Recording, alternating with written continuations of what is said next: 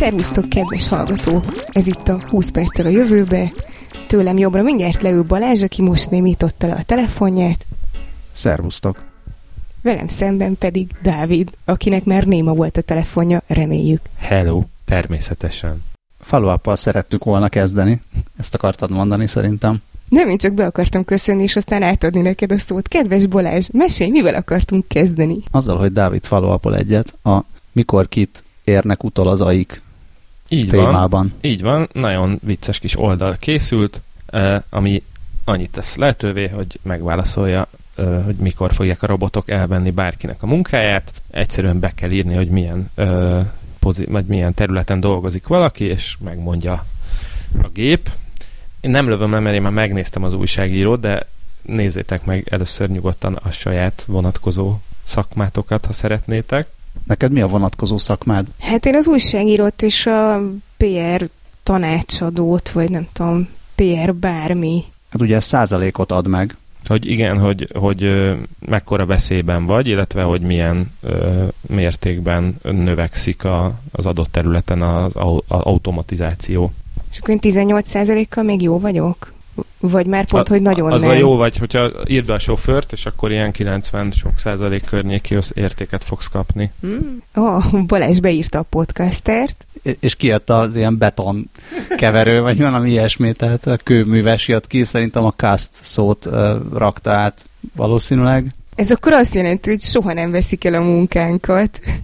Bezzeg a, az építő munkások már 88%-nál járnak? Szegények. A riporterek és tudósítóknál, ami az első kategória az újságírónál, ott 11% a kockázat.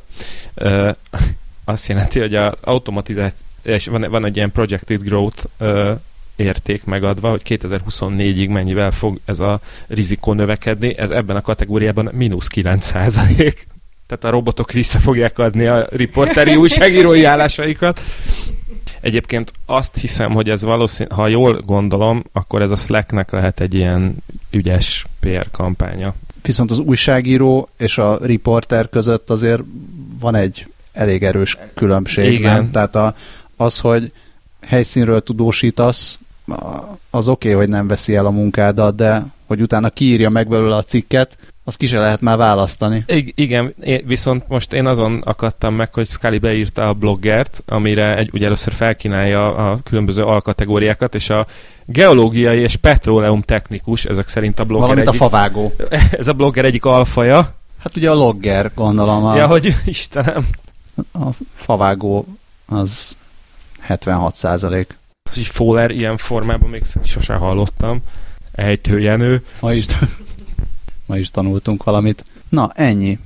Következik a vállalati híreink rovat. Amiből azért lett rovat, mert most valahogy az elmúlt héten, másfél hétben nagyon sok olyan hír volt, ami igazából ide sorolható. Az egyik az, hogy a Google négy év után eladta a Boston Dynamics-t, a Boston Dynamics pedig az a robotgyártó leányvállalata a Google-nek. Mondjuk. Hát le... Vagy hát bevásárol végül is négy, mi a négy-öt éve vette meg, és arról ismeretes ez a Boston Dynamics, hogy ők gyártják azokat a robotokat, akiket rugdosnak a dolgozók a különböző vicces videókon. Az ő robotjaik fog, fognak mindenkit elpusztítani, amikor egyszer öntudatukra ébrednek.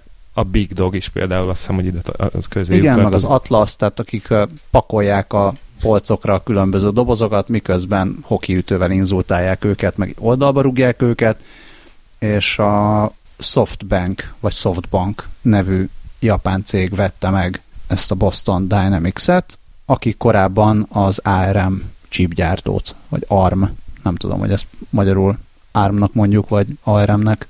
Az ARM nem, mert az valami betűszó. Mikor akadályozott meg ez bárkit abban, hogy ja, el, kiolvassa? Mégis a nasa is az elég hülyén hangzana, hogyha NESZ-nek hívnánk állandó jelleggel. Arma, hol élünk. Oké. Okay. Ö, azt még lehet tudni, hogy mik a terveik ennek a kedves keresztik a kis jószágokat.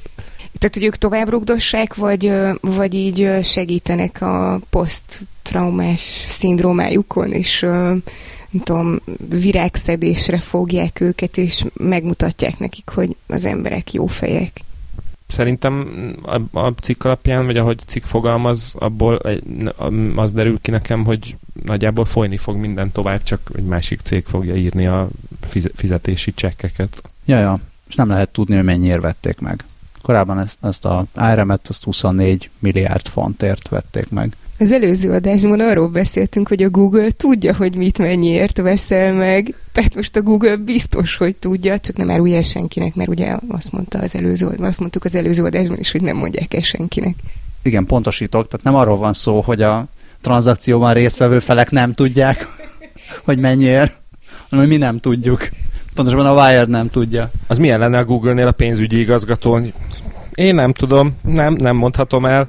Hogy mennyi nem. volt a bevételünk? Nem, mert csak arra akartam utalni, hogy az egyetlen, aki tudhatná, hogy mennyire vette, az nem fogja elárulni. Ez olyan, mint amikor a jó barátokban a Joey karaktere, a Dr. Drake Ramorét kinyírták, és az egyetlen ember, aki meg tudta volna műteni, az szétlocsant agyát, az ő maga lett volna, és ezért nem tudott visszatérni soha a sorozatba.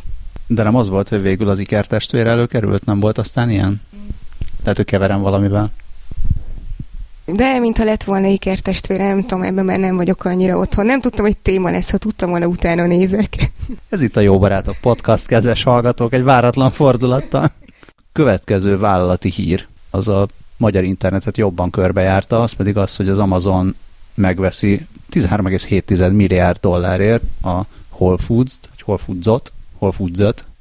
Ez egy ilyen organikus élelmiszereket árusító láncolat, de hol futsz? Tehát te hol futsz? Én most csak megyek az idegeitekre. Mi vette meg? Ez viszonylag egy ilyen egyszerű sztorinak is mondható, hogy az Amazon szereti azt, hogyha vannak ilyen elosztó helyei. Azt írja, a mindenféle cikk, én most pont a 444-en nézem, hogy a cégnek 2015 végén volt 91 ezer alkalmazottja és 431 áruháza, elsősorban az Egyesült Államokban, de mellette Kanadában és Nagy-Britanniában is. Egyébként mostanában mindenféle gondokkal küzdött szegény. Most azon gondolkodom, hogy... Ol... Nem vették az organikus avokádót a hippik, nem tudom. Hát pedig az most nagyon megy. Azon gondolkodom, hogy talán mintha lett volna arról hír, hogy lehet, hogy ők ide jönnek Magyarországra, vagy legalábbis Európába, vagy tehát jobban terjeszkednek, de aztán lehet, hogy ez csak úgy az fejemben lévő ilyen emlékszilánkokból összerakta az agyam. Lehetséges. Nekem inkább ami az érdekes volt ebben, vagy hát nem magában a tranzakcióban, hanem inkább az utána a tech média elemzéseiben. Az egyik persze az, hogy az Amazon korábban is sokszor akart betörni a, nem csak az ilyen élelmiszerpiacra, de hogy ezekre a romlandó dolgok piacára, amit, amit nagyon nehéz, tehát nem, nem annyira egyszerű egy kiló almát Amazonnal szállítani szerte a világban, mint akár egy fitness karketőt vagy fidget spinnert, mert hogy megromlik, tehát tárolni is nehezebb, tehát vannak ilyen problémák, amiket persze megold, hogyha van sok kicsi boltja szerte széjjel, különösen akkor, hogyha van egy működő ilyen élelmiszer láncolata mindenfelé, de ami, ami meg egy különösen érdekes szempont, vagy szemlélet, ez a Ben Thompson nevű tech író, Stratechery nevű blogján, szájtján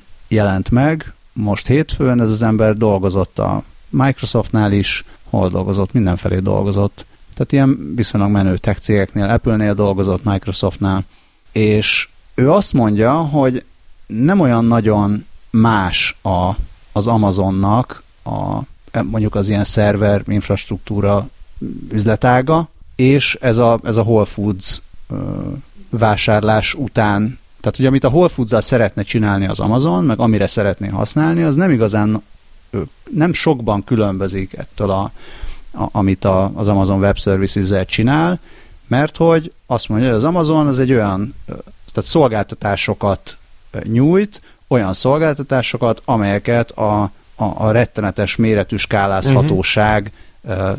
tesz lehetővé és biztosít.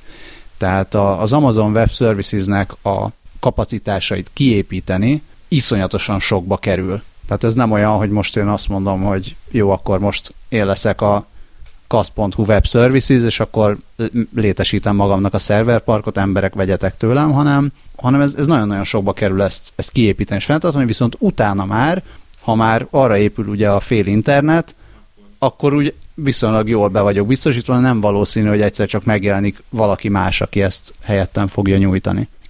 És a, azáltal, hogy ő megvesz egy élelmiszerláncot, az Amazon... Egy nagy skálán működő élelmiszerláncot. Igen.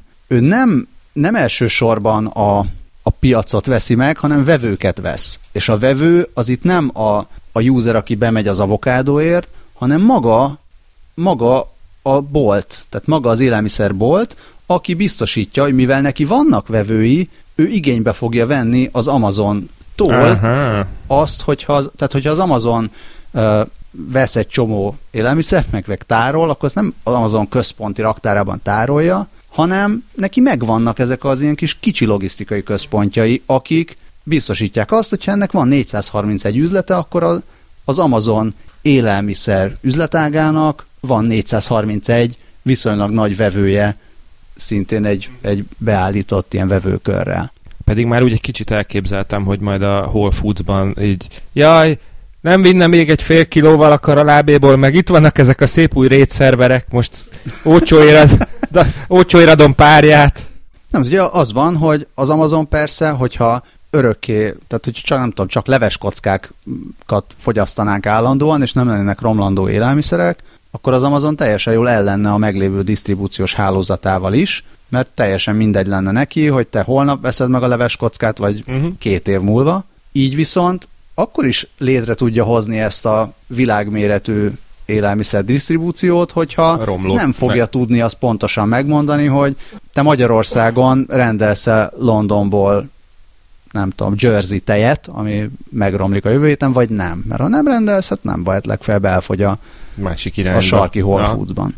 Ö, egyébként az, amit mondtál, hogy jó, vigyen akkor a lábé mellé szervert, az nyilván mókás, de ilyen átvételi pontnak tök jól működhetne. Tehát, hogyha nem, hát, lehetne olyan, hogy nem házhozszállításba kéred a szervert, hanem nem tudod, hogy mikor vagy otthon, és azért így a Whole Foods-ba beugrasz átvenni a csomagodat. Hát mint a azért pikpak pont, vagy... Azért az ott valószínűleg a Whole Foods-osok kitépnék a hajukat, hogyha egy ilyen masszívabb kontingensnyi szervert oda így betolnának, hogy na, akkor ezért majd jönnek átvenni, egy kicsit addig az új krumplit azt rakjátok oda a gyümölcsös pult mellé. Hát de az tök jó lenne, hogy hűtik a szervert, és a másik oldalon Végül pedig hűtik a, az árut. De én meg arra gondoltam, hogyha majd megvalósul a Neuralink, uh-huh. akkor lehet, hogy az van, hogy megveszed a kenyeret, tejet, és még néhány petabyte izé, kapacitást veszel nekem most a, biztos nektek is az ilyen fizika-kémia órán volt ilyen, amikor nem tudom, a krumpliból, krumplival kellett elemet csinálni, és a rádiót rá lehetett kötni. Hát aztán, hogyha így nem, nem viszik el az árut, akkor gyorsan beforgatják energiaforrásnak, és akkor arról mennek a... Ak- akkor lehetne egy ilyen, hogy Amazon Powered by Apple Végül pedig ezt el is felejtettem a jegyzetekbe beírni, mert... Az on the flight rovatunk következik. igen, de igen, de ez is vállalati hír, hogy a, talán ez mai vagy tegnapi, mindegy, ez is ilyen eheti hír, hogy uh, látom, hogy a vagy nem, nem, nem, az ehetire még a... a ilyen a Whole Foods és az ehetit azt Igen. összeraktam fejben, de úgy gondoltam, hogy ez túl, túl Bocsánat. Olcsó. Szóval, hogy a Netflixnek most már több előfizetője van, mint az összes nagy kábelszolgáltatónak Amerikában, együttvéve. Hello. Valami, nem tudom. Jelentős mérföldkőhöz érkeztünk, kedves hallgatók. De ennyi. Még, még annyi, hogy valahol, már nem is tudom, hogy hol olvastam ezt, hogy csodáltának kreatívan, hogy csodálkoztak, hogy de na hát nem lett annyival kevesebb előfizetője a kábelszolgáltatóknak, tehát, hogy nem az volt, hogy egyszer csak így átmentek az emberek, szerintem az olyan, olyan nagyon nem meglepő. Ez engem se lepett meg annyira. Egyrészt, mert gondolom, hogy van egy csomó ilyen legacy előfizető, tehát hogy a nem tudom, nagypapa, nagymama az úgyis azt nézi meg, szerint meg egy csomó ember szerintem nem fogja ez, csak ezért lemondani a kábel TV előfizetését, mert az Netflix az jó lesz neki a laptopjára, meg a telefonjára, meg a tabletjére, meg nyilván otthon is majd nézegeti, de egyébként meg a kábel tévén bejön a nem tudom, helyi időjárás csatorna, meg a nem tudom... Pont ezt akartam a mondani, hogy többiek. hírműsorok, talk Igen, show, igen, tehát igen, igen, igen, az igen. opera sosem lesz fönt a Netflixen. Hát azért azt, Hát hogy meg a sport. Tehát azok a dolgok, Ja, amik, igen. amik még mindig az élő televíziózás, a- amit, amik életben tartják az élő televíziózást, tehát a különböző eventek, Igen. azok be vannak betonozva mindenféle szerződésekkel a kábelszolgáltatókhoz, tehát ha, ha neked csak az egy darab, nem tudom, baseball előfizetés az, ami, ami érdekel, akkor is lehet, hogy megveszed a 120 vagy 5000 csatornát a Comcast-től, vagy nem tudom kitől, kénytelen vagy, mert, mert máshogy nem jutsz hozzá. Jó, pont az lehet, hogy rossz, mert ezeknek nyilván mind megvan a külön-külön Online előfizethető online cucca. előfizetésük, de, de nyilván vannak, a, vannak olyanok, amiknek meg nem, és valóban a, a különböző ilyen talk show-k azok, amik még nem tartanak ott, Igen. hogy, hogy átmenjenek. Toksók. Ez nagyon jól működik a podcastban, amikor Scully megmutatja a vadonatúj tokját, de majd lefotózzuk. Nem, nem te fogod lefotózni, vagy legfeljebb a, levideózzuk? Videózni kell, de már töltöttem fel róla videót az Instra- Instagramra, úgyhogy majd csak átdobom a linket. Majd embedáljuk, ahogy az egyik meg nem nevezett politikai szervezet ö, sajtóleveleinek a végén szerepel. Én csak most jöttem rá, hogy az embed meg a beágyazás az, az ugyan, ugyan, ugyanúgy van, úgy tükörfordítva egyikből a Nagyjából. másikba. És mindegyik újságíró megcsinálta még az Embede Mártoni. Nagyon meg, megtermékenyítette a Viszont amikor a ez a a programozó embed. reggel kódolás közben reggelizik, az az Embed and Breakfast. Bocsánat, sidebuild közben, nem kódolás közben. Dávidot is megtermékenyítette. Dávid, neked is mesterséges petefészked van. Hoppá, ezt nem vártam jönni. Ugyan nincs, nincs vagy nem tudok róla, de most, hogy így mondod, van egy hírem ezzel kapcsolatban. De jogod van hozzá, és Lorettának fogunk szólítani. Így van, és majd kihordom egy nylon zacskóban. De most, hogy így megemlítetted, véletlenül van itt egy kiváló anyag. Ö, Áttértünk közben a biorobot rovatra. igen, ö, vagyis, hogy ö, 3D nyomtatott petefészkekkel állították vissza a kísérleti egerek termékenységét. Áldassék a neve az Oregoni ö, Nemzeti Emberszabású Kutatóközpont, Emberszabású egerek, erre majd ö, ami egyébként Beavertonban van, ezt még mindenképpen meg kell említeni. Ö, nem, egyébként ö, szóval, bocsánat, ezt majd ki kéne vágni, mert most láttam azt a félmondatot, hogy ö, ők, ők azok, akik nem szerepeltek ebben a kutatásban. Második bekezdés utolsó mondat. De na, na, na a lényeg az, hogy ö, 3D ny- újra kezdem, jó? Nem, egyre jobb. Sőt, ez nem is az a kutatás. Itt leszünk még évfél után is, hogy egyre jobb. nem, nem egerek és nem petefészek, de egyébként minden stimmel. De szóval az a lényeg, hogy 3D nyomtatással már egy csomó mindent elő tudtak állítani, aminek köze van a szer- élő szervezetekhez. Csináltak már ezzel bőrt, fület, ö, ilyen csont, nem, ne, hát nem csontvázat, de hogy ilyen csont ö, szerkezetet. Ezzel már a múltkor is megküzdöttünk a scaffolddal. Igen. Sőt, szívbillentyűt is 3D nyomtattak már, és most zselatinból készült, készítettek petefészket, ami lehetővé tette, hogy az egerek megfogadjanak, és egészséges utódot hozzanak a világra. És Méri Zelinski, az előbb már említett Oregoni Nemzeti ö, Emberszabású Kutatóközpont ö, szaporodás kutatója, máshogy nem tudom a reproductive scientist-et lefordítani, azt mondja, hogy ez egy ez egy tudományos mérföldkő és egy hatalmas előrelépés a, a biomérnöki tudományok alkalmazásában. A kutatók egy 3D-s nyomtatóst használtak, ami zselatint ö, lőtt ki, olyan zselatint, amit állati petefészkekből vontak ki, amiben ez természetesen megtalálható. És különböző ö, mintázatú ö, ilyen zselatin szálakat nyomtattak egy, ö, egymásra üveg, ö, üveglapokon. 15x15 mm-es kis struktúrákat hoztak ebből létre. Aztán beillesztették a, a növekvő petesejtet ebbe, a, ebbe az anyagba, és tehát a, a, olyan petesejtet, ami, amit mm, ilyen hormonkiválasztó sejtek fognak közre, és ezután ezt a, ezt a szerkezetet, vagy hát ezt a struktúrát így szűkebbre húzták, hogy jobban megtartsa ott a növekvő petesejtet. Hét kísérleti egérből ö, kioperálták a természetes petefészket, és behelyezték ezt a, ezeket a protéziseket. Már megint szemétkedünk az állatokkal, tehát jövő héten majd keresünk valami olyat, ahol, ahol nem tesszük Megkövetjük ezt. az ege- egereket, de a lényeg az, hogy ezek után happy end lett, mert hogy e- egészséges kis egereket hoztak a világra ezek a hárman kísérleti egerek, hát hárman igen. Viszont a, a, a sikeresen szülő egerek utána szoptatni is tudták az utódaikat, úgyhogy ez, ez, meg, ez az bizonyította, hogy a is működésben nem kavartak bele ezek a, az implantátumok. Én csak scully mondom, aki a jövőben ugye ilyesmivel fog foglalkozni, különböző szerveket fogsz nyomtatni, mint azt megtudtuk, hogy eh, Nikolá Szigó, aki azzal foglalkozik Franciaországban, ő egy sebész, aki a 3D nyomtatott szervek, dolgok, ilyen orvosi alkalmazására specializálódik. Azt mondja, hogy a, a nagy méretű 3D nyomtatott ilyen szövetek meg, meg szervek alkalmazhatóságának, vagy legyártásának az egyik fő problémája az az erekkel való behálózás, vaszkularizáció. És azt hiszem, hogy pont ilyesmire uh, volt nem is tudom, pár adással korábban egy megoldás, amikor, igen, uh, amikor igen. levelek igen, nem a, a levelek... saláta levél, azt hiszem, hogy saláta spenót. Spenót, igen, igen, valami zöld. Tehát ugye a levélben már eleve megvan a, ez az erezet, és akkor valamiből kivonták, hogy csak az a cellulózváz maradt. Igen, igen. És ez, ez oldotta meg az erezést meg az egerezést. Ö, persze, hát azóta, az előző adás óta már Nem eresztjük ezt a témát. szóval persze, mert azóta dolgozom rajta, a kis szobában van egy kis sarok, ahol ilyen faleveleket, meg ö, spenótokat pucolok, és a, az erejét újra hasznosítom.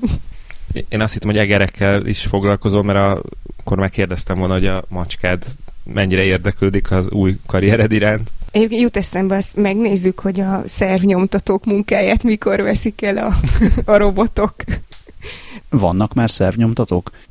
Mr. Szigó. De ő csak sebész, aki felhasználja a szervnyomtatók eredményeit. Ö, én most beütöttem a Ugye egyébként azt igen nem mondtuk el az előbb szerintem, hogy a willrobotstakemyjob.com e, ennek az oldalnak a neve, de hír gyorsan beütöttem a szervnyomtatót, amire csak annyit, mond, annyit adott ki, hogy elektromos és elektronikus ö, eszközök összeszerelője, 95% a rizikója, hogy a robotok elveszik a munkát. Na jó, de ha kézműves? Ez baromi jó, ezt megjegyzem, kézműves szervek lesznek.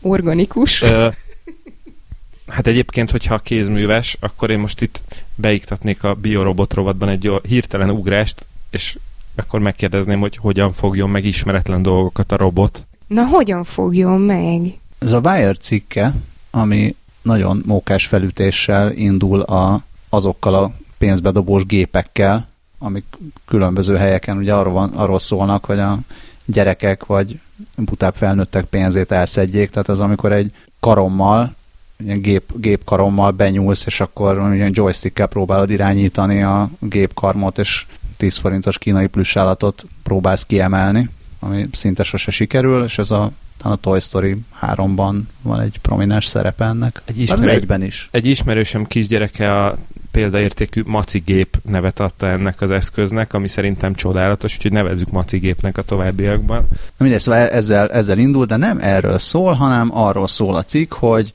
az egy fontos, megoldandó probléma a robotikában, hogy hogyan fogjon meg dolgokat a robot, mert a dolgok különböző formájúak, anyagúak, lehetnek, hogyha mondjuk nem az van, hogy ezek ilyen szabvány alakú dolgok, hogy mindig tudja a robot, hogy 10 centis kockákat kell neki megfognia, és akkor erre gyártják, Igen. hanem egy ilyen általánosan általános megfogó kart vagy megfogó robotot akarnak gyártani, akkor, akkor egy érdekes probléma, hogyan közelítse ezt meg.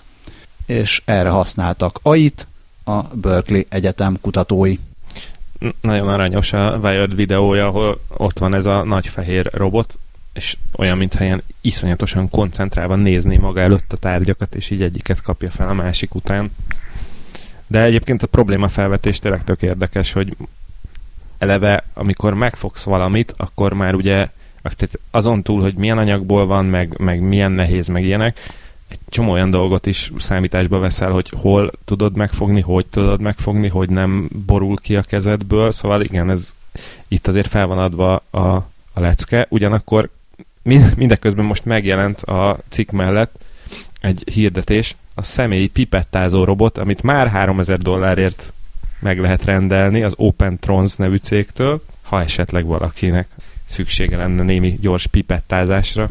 Szerintem ez megfogó robot nem csak abból a szempontból érdekes, hogy hogy fogja meg a dolgokat, de milyen legyen a fogó része. Ugye mi, hogyha az embernek, átlag embernek van öt darab ujja, és az öt darab ujjával fog meg dolgokat, ugye az szembefordítható hüvelykujjával, akinek van, és a, tehát például a kutya meg a macska az nehezebben fog meg dolgokat, vagy hát mert a macska elég ügyesen fog meg dolgokat, de most másfajta megfogásról beszélek, tehát a megfogom és felemelem probléma az a, az állatoknál nehezebben működik, akinek nincsen szembefordítható hüvelykúja, és a, amikor az emberek robotokat terveznek, akkor ez lehet egy, hát lehet akár egy ilyen, egy ilyen limitáló dolog is, hogy elképzeljük, hogy de jó dolog 4 plusz egy ujjal megfogni különböző tárgyakat, milyen, milyen sokoldalúan használható ez a mi kezünk, és akkor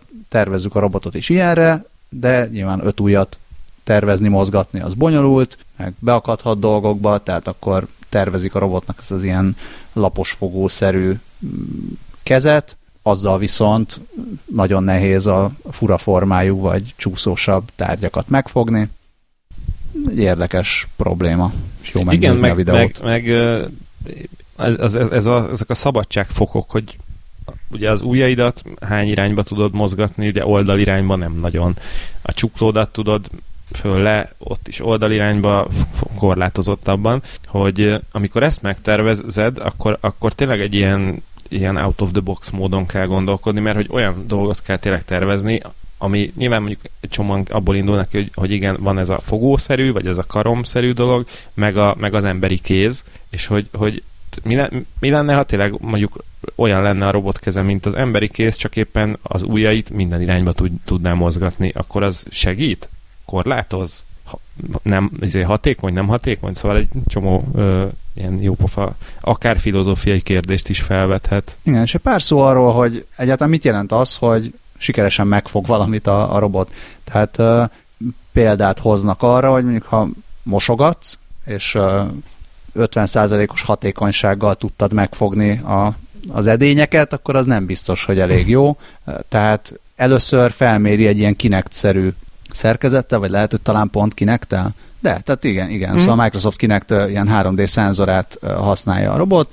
Tehát először felméri, hogy oké, okay, akkor a térben vannak ezek a pontok, mi lehet majd az a, az a fogás, amit hogyha alkalmaz, akkor sikeresen végrehajtja a feladatot, és amikor 99%-os biztonsággal ezt ott kiszámolgatta magában, akkor indul el és fogja meg. Tehát nem csak azt mondják a kutatók, hogy nem arról van szó, hogy így keresi az egy darab megoldást, hanem egy robusztus megoldást keres, ami, ami jól működik, és ami stabil. Ja, itt összehasonlítja a, mondjuk a rumbával, hogy hát a rumba, hogyha hibázik, és egyszer nem arra porszív, akkor az, az úgy rendben van, hogyha valami értékes vagy törékeny vagy érzékeny dolgot kell megfogni, akkor, hogyha hibázik, akkor az meg az nagy nem baj. jó, igen. Hát azért a rumba is egyszer megtámadta a gazdáját, aki elaludt a padlón. Erre nem emlékeztek? Olyan, az is már ilyen izé volt, ilyen robotlázadások, vagy mint hogy um, olyan címen is tálalták, hogy a robotok már megtámadták a gazdáikat. Térjünk át más témára, mert hogy nekem van pont rumbához kapcsolódó témám, Úgyhogy akkor mesélek nektek a gyomláló robotról, ami nagyon hasonlít a Roomberre, a kis robot porszívóra, ö, ráadásul pont ö, ugyanez az ember találta ki, aki a Roombert is. Ő az én hősöm, egyik legnagyobb koponya a világon. Úgy hogy Joe Jones és a Franklin Robotics nevű cégnek a műszaki igazgatója, vagy hát CTO-ja, olyan szempontból tök érdekes, hogy ő kitalált 15 éve a rumbát, és most mégis a következő találmányára a Kickstarteren gyűjt pénzt, tehát hogy azt gondoltam volna, hogy erre így talál befektetőt, de nincs gond, mert már talált is, mert 120 ezer dollár volt a kitűzött cél, és már 147 ezer dollárnál tartanak, és még 22 napjuk van, úgyhogy már mindenképpen lesz ez a kedves kis gyomláló robot, amit Turtle-nek hívnak, de nem úgy van leírva, mint a teknős, hanem Tertil, csak a videóban Turtle néven emlegetik. De ez Tertillanat még nincs meg. Ezt megérdemeltem. szóval ugyanúgy ilyen kis um, lapos, kedves, kerek mászkáló robot, csak neki a kertben kell mászkálnia, és tölteni sem kell külön, mert napelemmel működik, úgyhogy csak kint, hogy oda napon, és, és töltődik. Ha nem süt a nap, az azért nem akkora para, mert egyrészt így sok helyig bírja, másrészt ha nem süt a nap, akkor a gyomok sem nőnek olyan gyakran, úgyhogy meg fogja oldani. Alaposan átgondolták. Uh-huh, ugye? Na és akkor a törtől mászkál, Ja igen, vízálló még, és ö, nem használ semmilyen kémiai anyagokat ahhoz, hogy kiírtsa ezeket a gyomokat. Ö, csak tüzet. Nem. nem, igazából csak levágja, ja, és el tudja dönteni, hogy melyik az a növény, amit te meg akarsz tartani, és melyik nem. Ö, alapjáraton abból dönti el, hogy ami egy hüvelyknél magasabb, az valószínűleg olyan növény, amit te ültettél, de kisebb még, amikor elültetted, akkor köré tudsz rakni ilyen speckó darabokat, amit kapsz a robothoz, és akkor abból ő tudja, hogy azt te meg akarod tartani, és azt így megkerüli. Azért mutatnék ennek a kis robotnak egy-két ilyen magyar telket, ahol ez a térdigérő gaz erdő van. Igen, jogos. Pont az ennek a lényege, hogy, hogy ő minden nap mászkál, uh-huh. és minden nap kitépkedi, illetve nem is kitépkedi, hanem levagdossa, azt mondják a videóban, én nem értek a növényekhez, nincs kertem, és ö, nagyon rég gyomláltam, és nagyon keveset, de azt mondták, hogy ö, azért nem kell kihúzgálni, ja, mert a nagymamám úgy tanította, hogy akkor így tövestül gyökérrel együtt kell kitépni, mert hogyha benne marad a gyökére, akkor újra kinő. Viszont a törtől minden nap mászkál, és minden nap levágja minimumra ö, a gyomokat, és hogyha hogyha, eleg, tehát, hogyha már így minden nap le van vágva, akkor egy idő után nem jut fényhez, és akkor el is hal, és azért így nincsen belőle gond. És jól látom, hogy ennek az alján pörög egy ilyen kis damilos cucc, mint a mint, a f- mint az a sövény, vagy szegényíró, vagy nem Aha, tudom. Igen, olyasmi, azzal vágja, illetve a kerekei is ilyen döntöttek, és bordázottak, és elvileg azzal is tudja írtani a növényeket. Igen, nekem ez a kerék dolog tűnik, egy, tűnik így, nem tudom, a, a, a gyenge pontnak, mert így a videón van egy ilyen próbakert, ami olyan szépen ott le van egyengetve, meg minden, de hogyha egy kicsit hepehupásabb, vagy göröngyösebb a talaj, akkor nem tudom, hogy azok a kerekek úgy mennyire boldogulnak rajta, de sok sikert tör- törtülnek. Ja, ja, hát így biztosan lesz majd, hiszen már összegyűlt rá a pénz, úgyhogy majd lehet, hogy fél év múlva, egy év múlva olvasunk ilyen teszteket róla, hogy mennyire jól működik. Ja, és van hozzá egy alkalmazás is, ami, amin keresztül infókat kérhetsz le a kerted állapotáról, lehet, hogy szól is, hogyha göröngyös a talaj, létsz kicsit gerebjézél, mert vagy küld a gerebjéző robotot, amit majd szintén fél év múlva megcsinálnak Kickstarteren. És azt néztem, hogy mintha ez nagyon speciális típusú kertekre lenne tervezve, tehát gyepen nem működik, mert eredetileg amikor láttam ezt a hírt, akkor azt hittem, hogy van egy kis kamera, és akkor végigmegy, és észreveszi, hogy hopp, ez gyom, nem pedig nem, pedig nem gyom, és, és azt vágja le, de nem, tehát hogy ez abszolút ilyen, ilyen fizikai határokat néz meg, hogy itt beleütköztem egy ilyen kis drótkerítésbe, akkor itt nem vágok, és egyébként meg mindent vágok, ami egy bizonyos magasság alatt van. Tehát ez gyepen egyáltalán nem működik, nem, nem, hogy, nem, hogy gaz, tehát nagyon gazos gyepen, semmilyen gyepen nem működik, hanem hát a virágágyást. Igen, igen, ilyen ágyásos, ágyásos részekben, vagy amilyen mulcsal takart, vagy ilyesmit, tehát ahol nem tudom, kis paradicsomföldön, vagy valami hasonlón. Ettől még biztos tök jó, meg csak összegyűlt a 100, majdnem 150 ezer dollár 650 embertől, tehát biztos valaki ránézett ezekre a képekre, és az ugrott be, hogy na, hát nekem is pont ilyen kertem van, de én ránézek, nekünk nem ilyen kertünk van. Uh, úgyhogy, úgyhogy én nem is fizetek ezeknek semmit. Nem csak ezért. De nagyon aranyos. És elveszi a kertészek munkáját. Ingyom, bingyom. Na, de akkor még maradjunk a robotoknál. Ez egy abszolút mai hír. Jó újságíró módjára szenzációhajhász módon írtam be a jegyzetekbe, hogy szívószából készülhetnek a jövő kém robotjai. Valójában úgy néz ki a helyzet, hogy a 444 írta meg, a már imént említett Embede Márton tollából jött a hír, hogy a Harvard kutatói olyan rovarszerű robotokat készítettek, amik képesek állni, járni, sőt még akár a víz felszínén ö, siklani, és mindehhez szívószálakat használtak ö, építő elemként. Régen kellett itt technika órára egy ezt azt barkácsolni, szilvószál az egy nagyon remek dolog volt, mert egy kicsit bevágod, akkor be tudod hajlítani, és milyen mindenféle vicces dolgot lehet vele csinálni, és ilyen izé, levegő segítségével ezek a szívószálakat, amiket úgy meghajtogattak, a levegő segítségével tudják egyenesíteni, vagy újra be, ö, behajlítani, szóval szépen tudnak mozgolódni ö, ezek a kis robotok, ilyen kicsit rovarszerűek. Bocsát, az van, hogy a levegő befújással kiegyenesítik, igen. és utána van egy ilyen kis gumi in, ami, ami meg visszahúzza, visszahúzza igen, igen, igen. vissza kell húzni. És Artrobot a neve, amiért külön pacsi a Harvard kutatóinak. E, igen, és ebben bíznak, hogy a kutatók, hogy a találmányukat továbbfejlesztve a jövőben már olyan rob- olyanokat, ilyen rovar robotokat tudnak majd létrehozni, amit akár kémkedésre tudnak használni, vagy például egy természeti katasztrófa után a mentőexpedíciókban, meg be fognak tudni mászni a repedésekbe, meg a, a egyéb nehezen elérhető helyekre, és az a nagy előnyük, hogy, hogy nem, nem kifejezetten tartósak, viszont nagyon olcsóak, és nagyon könnyű őket összepattintani. Hát így. És akkor még továbbra is maradva a Bioper robot rovatunkban. Létrehoztak egy olyan okos ruhát, ezt most ezúttal a, az MIT kutatói csinálták, ami, ami hát ilyen úgynevezett lélegző ruha, de hát ilyet már láttunk egy párat, ez a legtöbbször annyit tud, hogy kiengedi a, a bizottságot, de nem engedi be a, az esővizet vagy egyebeket, és az MIT kutatói most egy olyan uh, ruhafaj, ruha, ruhaszövetet uh, gyártottak, ami akkor kezd el szellőztetni, amikor elkezdesz izzadni. És ezt úgy oldották meg, hogy a ruha hátuljába ilyen uh, rombusz alakú, mondjuk, hogy nagyjából rombusz alakú nyílásokat terveztek, és ezeket egy, egy ugyanolyan anyagból készült ilyen füllel borították be, viszont a, ezeket a füleket impregnálták egy Bacillus subtilis natto nevű baktériummal, ami egyébként egy a japán natto nevű ételféleség egyik fő hatóanyaga, ez egy ilyen erjesztett szójából készült dolog. Kicsit ilyen alienes tusz lesz a... Tehát, hogy ilyen... Ja, ruha.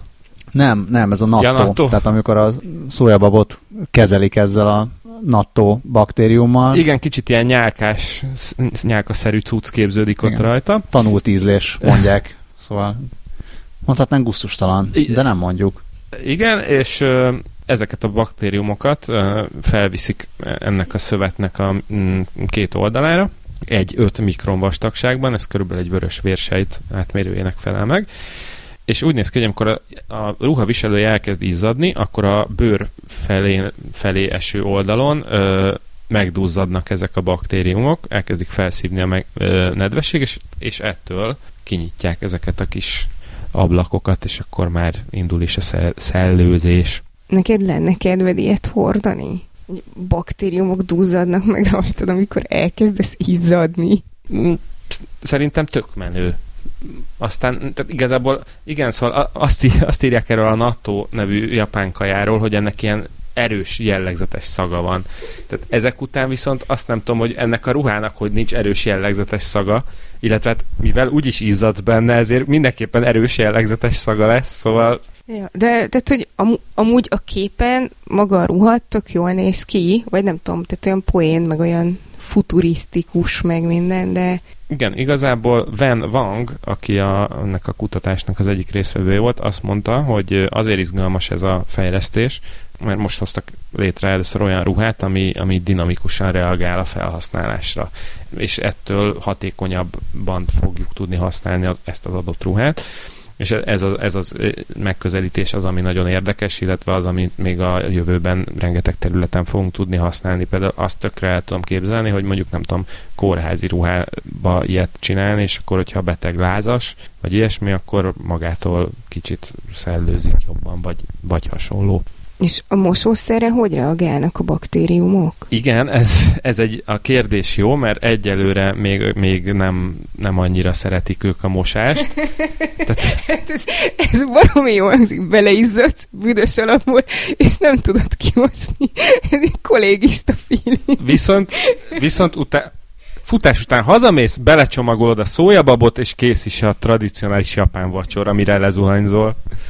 Úgyhogy igen, ezt még meg kell majd oldani, hogy a mosást kibírják, addig Figyú, jó az ötlet, engem majd akkor érdekel, ha nem nattó van benne, hanem bruttó. Nyertél. Hát a másik kedvencem még a nattó támaszpont lett volna, de arra már nem tudtam mit kitalálni. Ott a háttal nattó támaszpont. És a japán operatőrök, ha sok ilyet készítenek, akkor, akkor lesz a nattotál. Azt hittem azt hogy nattó kódulnak.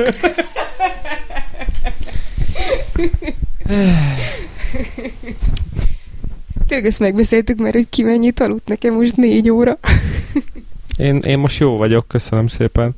Tegnap megnéztem a kislányaimmal a Wonder Woman-t, és nem, és ezért viszonylag későn kerültünk haza, ez most ilyen görbe este volt. Görlebe este? Görbe, görbe este, igen, az első ilyen igazán esti filmnézésük hogyha hallgatnak minket apukák, akkor minden apukának, akinek van kislánya, nagyon Vagy erősen, anyukák. erősen javaslom. Igen, de úgy, ez egy ilyen nagyon jó kis apukás program, szerintem. Elvinni a Wonder Woman-re kislányaidat. Ez teljesen mellékszál. Ami a Featuring apás szülés. Feat apás szülés, igen. Anyukák is természetesen nyugodtan vigyék. Na, de lendüljünk tovább. E, igen, de ne lendüljünk nagyon messze. A fermentálás mert... mesdjén azért maradjunk meg. fermentálás rovat. Hogyha, hogyha Wonder Woman-ről volt akkor fervumentálás. Kérlek. Ki vagyok javítva. Erre iszom. Állok kijavítva. de akkor kellett volna, amikor Dávid iszik, leköpi a munkaeszközt. Szóval a csodálatos nevű Graphene Flagship Engem már nevű, ezzel megvettek. Nem is tudom, hogy ez közhasznú társaság, vagy mi ez. Európai Uniós pénz, izé, támogatás van benne gazdagon. Van benne, van benne EU-s pénz, hogy ez egy cég, vagy think tank, vagy micsoda, azt nem tudjuk. Minden esetre azt írják, hogy sörélesztővel gyártottak grafén tartalmú habot emberek. Tök menő. Ez szerintem ezt ennyiben is hagyhatnánk, minden egyes szó csodálatos és javíthatatlan benne. Én most csak így elképzeltem a mérnököket, ahogy betakargatják ezt a cuccot, azt mondják, hogy jó van, hat, ke, itt hagy, még. Itt, hagy, itt hagyjuk keleszteni, majd reggel visszajövünk, és elmennek inni. Miért jó ez? De a grafén az jó dolog. A grafén az elég jó pofa dolog, igen, mindenféle. El tudjuk mondani normálisan, mi az a grafén? A grafén az nem az, hogy ilyen egy atom széles, nagyon stabil szénmolekula?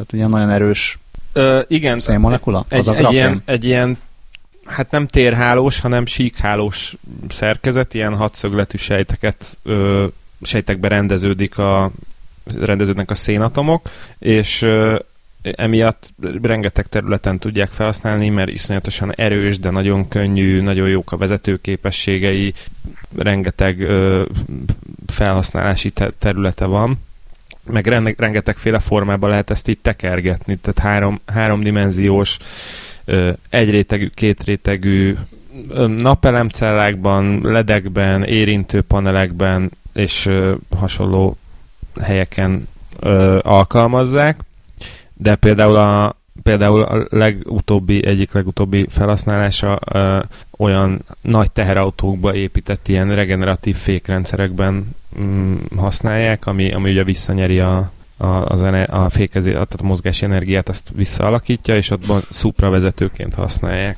Hát így, szóval ezt tudja a grafén. És akkor mi van a sörélesztővel? Köszönöm a kérdést. Az a jó a sörélesztőben, hogy ugye buborék keletkezik, buborékok keletkeznek, amikor dolgozik a sörélesztő buzgon, és ezáltal ilyen hab-szerű struktúrákat lehet létrehozni. Kísérleteztek szilikon, most eltaláltam, tehát szilikon, szilikon és mindenféle ilyen szén ötvözetekkel, grafén felhasználva, meg szén nanocsöveket, meg ilyesmiket. Jól mondom? Jól mondod. Nanocső? Nanocső. Van ilyen? Oké. Okay. És, a, és a grafénnek van-e, vagy ebből a grafén segítségével gyártott sörélesztős hab-szerű szerkezetnek volt egy olyan fura tulajdonsága, ami kicsit ellentmond annak, ami, amit így a más rugalmas anyagok ö, tanúsítanak. Ugye amikor az ember rugalmas anyagot így megnyújt egyik irányba, akkor, akkor az azzal hát ilyen merőleges irányban össze, vagy hát így vékonyodik, elvékonyodik. elvékonyodik az anyag. Ehhez képest a grafén, ezek a grafén buborékos ötvezetek nem így viselkedtek, hanem ö, minden irányba megnyúltak. Tehát, hogy megnyúlt, megnyúlt az egyik irányba, és akkor a másik irányba is megnyúlt. Tehát gyakorlatilag a kezeddel úgy tudod nagyítani, mint az iPhone képernyőjét? Nem tudom, igazából tök jó lenne erre egy videó. Fogalmam sincs, hogy ez hogy működik, de hát grafén. Szóval a grafén mindent tud, meg varázsanyag. Egyúttal a vezetőképessége is megnőtt. Gondolom ez az elsősorban inkább az elektromos áram vezető képességére vonatkozott, van, mint a van, igen. politikaira. De javíts ki, ha tévednék. Már ki tudja, erre nem tér ki a cikk. Lehet, hogy az hát, is. Nem tudom, még szerintem nem késő, hogy összehozunk egy grafénpártot itt 2018-as választásokig, azt majd kiderül. És azt elmondanátok, hogy ez a való életben mire lesz jó? Igen. Ez nem. Nem. Kész. Jó fog vezetni, kész.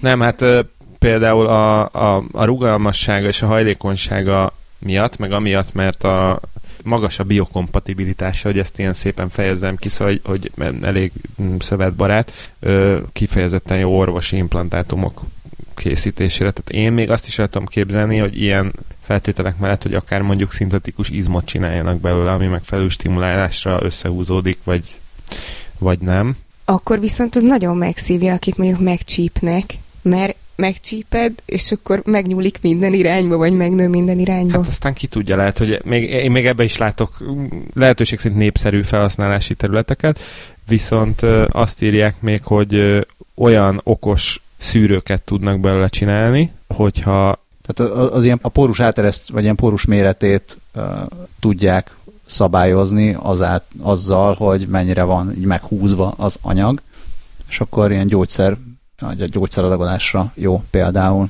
Ez az oxetik szó, ez, ez, ez valami új. Ez nem tudom, hogy van magyarul. Auxetikus. Ez az a tulajdonság, hogy egyik irányba húzod, másik irányba is nyúlik. A kedves hallgatók, hogyha van jó javaslatuk arra, hogy ezt hogy lehetne lefordítani. Ezt kérlek szépen auxetikusnak hívják magyarul, ugyanis itt már több a műanyagipari szemle.hu oldalát dobja ki az, a Google első találatként. A nyújtáskor mindkét hát, irányban... méret... olvasni, csak mostanában nem. A nyújtáskor mindkét irányban méretüket növelő polimerekről szóló PDF ugrik fel. Úgyhogy, de ha gondoljátok, apukám műanyag műanyagos vegyészmérnök, úgyhogy ha gondoljátok, következő adásra kiokosítom magam az auxetikus anyagokból. Hívjuk meg apukádat a következő adásból. Jó annyit tudok ezt hozzátenni, hogy amíg a földkerek mindig lesznek polimerek. Egyébként egy ilyen anyagtani külön kiadás se lenne. Én benne vagyok, van egy, van, van egy csomó jópofa ilyen új típusú anyag, meg, meg kompozit, meg ilyesmi. Ami, de pont ezt, ezt kontextusból kivéve különösen jó lesz majd ez a fél mondat. szóval, de tényleg akár a, a, a szén nanocsövek is megérnek egy misét, mert az is rengeteg mindenre jó lesz. Majd, hogyha szén nanocsőből készítenek szívószálat, és adból készítenek kémrobotot. Na hát alak, látod, alakulunk, alakulunk. A kémrobotot először, mikor nagyon fáradtam, belenéztem a jegyzetbe, krémrobot, krémrobotnak olvastam, de hogyha sörélesztőből csinálják, és mindenfelé nő, bár hogy húzgálod, még annak is lesz, lehet. Lesz még, lesz még krémrobot, amit így tubusból kinyomhatsz. Az lesz a robotok krémje a tubusos robotot már most levédetjük, akármi van. Tubot. Na de, mozduljunk tovább. A helyváltoztatás rovat. Nem tudtam ennél jobbat kitalálni. Akkor én mesélek nektek a, az Airbus legújabb, hát nem ötletéről, mert az ötlet annyira nem új, hogy már beszéltünk is róla korábban.